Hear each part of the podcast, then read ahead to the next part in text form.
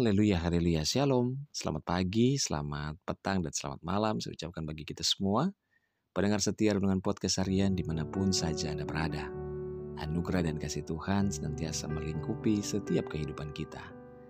Puji Tuhan, kita berjumpa kembali di hari yang baru ini, Jumat tanggal 20 November 2020, dalam Renungan Podcast Harian bersama saya, Yudi Daniel. Renungan kita pada hari ini berjudul menyerah bukan pilihan. Bacaan firman Tuhan dalam 2 Tawarik 15 ayat 7, firman Tuhan berkata, Tetapi kamu ini kuatkanlah hatimu, jangan lemah semangatmu, karena ada upah bagi usahamu. Michael Jordan dikenal sebagai pemain basket terbaik sepanjang masa. Ia tidak begitu saja mendapatkan keberhasilannya itu ia harus berjuang keras meraihnya. Kisahnya karena ia tidak memiliki atau tidak memadai tinggi badan untuk masuk dalam tim basket kampusnya, maka ia sempat disingkirkan. Namun, bukannya putus asa, namun ia terus berlatih hingga tubuh badannya mencapai kriteria dan akhirnya dia diterima menjadi tim dalam basket kampusnya.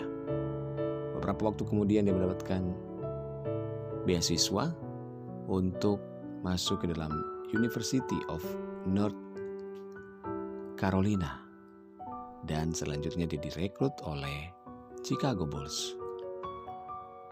Dia berkata, saya sudah lebih dari 9.000 kali gagal melakukan tembakan saya sudah hampir 300 kali kalah dalam pertandingan. Setidaknya ada 26 kali saya dipercaya untuk menjadi algojo penentu kemenangan. Namun saya gagal. Saya gagal terus.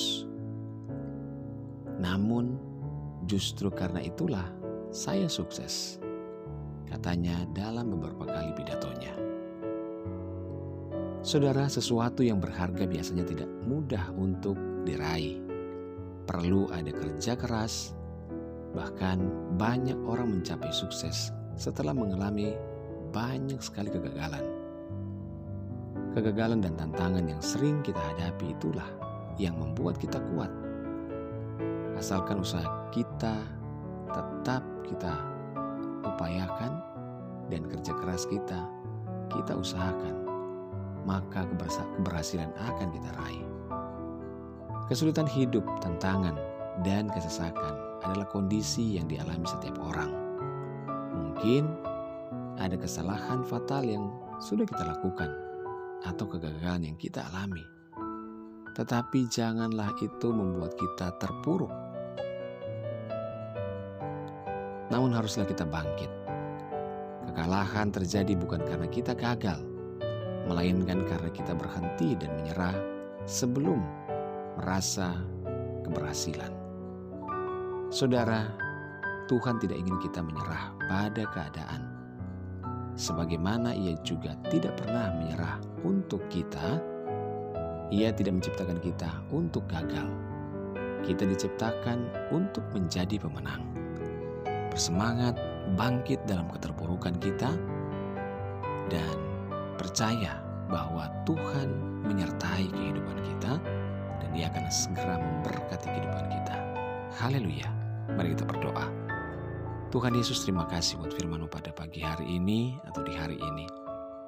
Kami mau bersemangat Tuhan karena kegagalan ada di belakang kami. Tapi kemenangan ada di depan kami. Itulah yang akan kami raih bersama dengan Tuhan. Kami serahkan hidup kami ke dalam tangan Tuhan dalam segala pergumulan kami apa pun Tuhan. Saudara-saudara kami di mana pun saja berada, baik Anda di Indonesia dan di mancanegara Tuhan.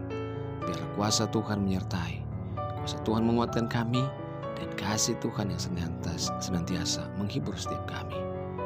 Di dalam nama Tuhan Yesus kami berdoa dan mengucap syukur. Haleluya. Amin. Puji Tuhan saudara, mulailah setiap hari kita dengan membaca dan merenungkan firman Tuhan. Hiduplah dalam ketaatan dan ucapan syukur kepadanya. Tuhan Yesus memberkati.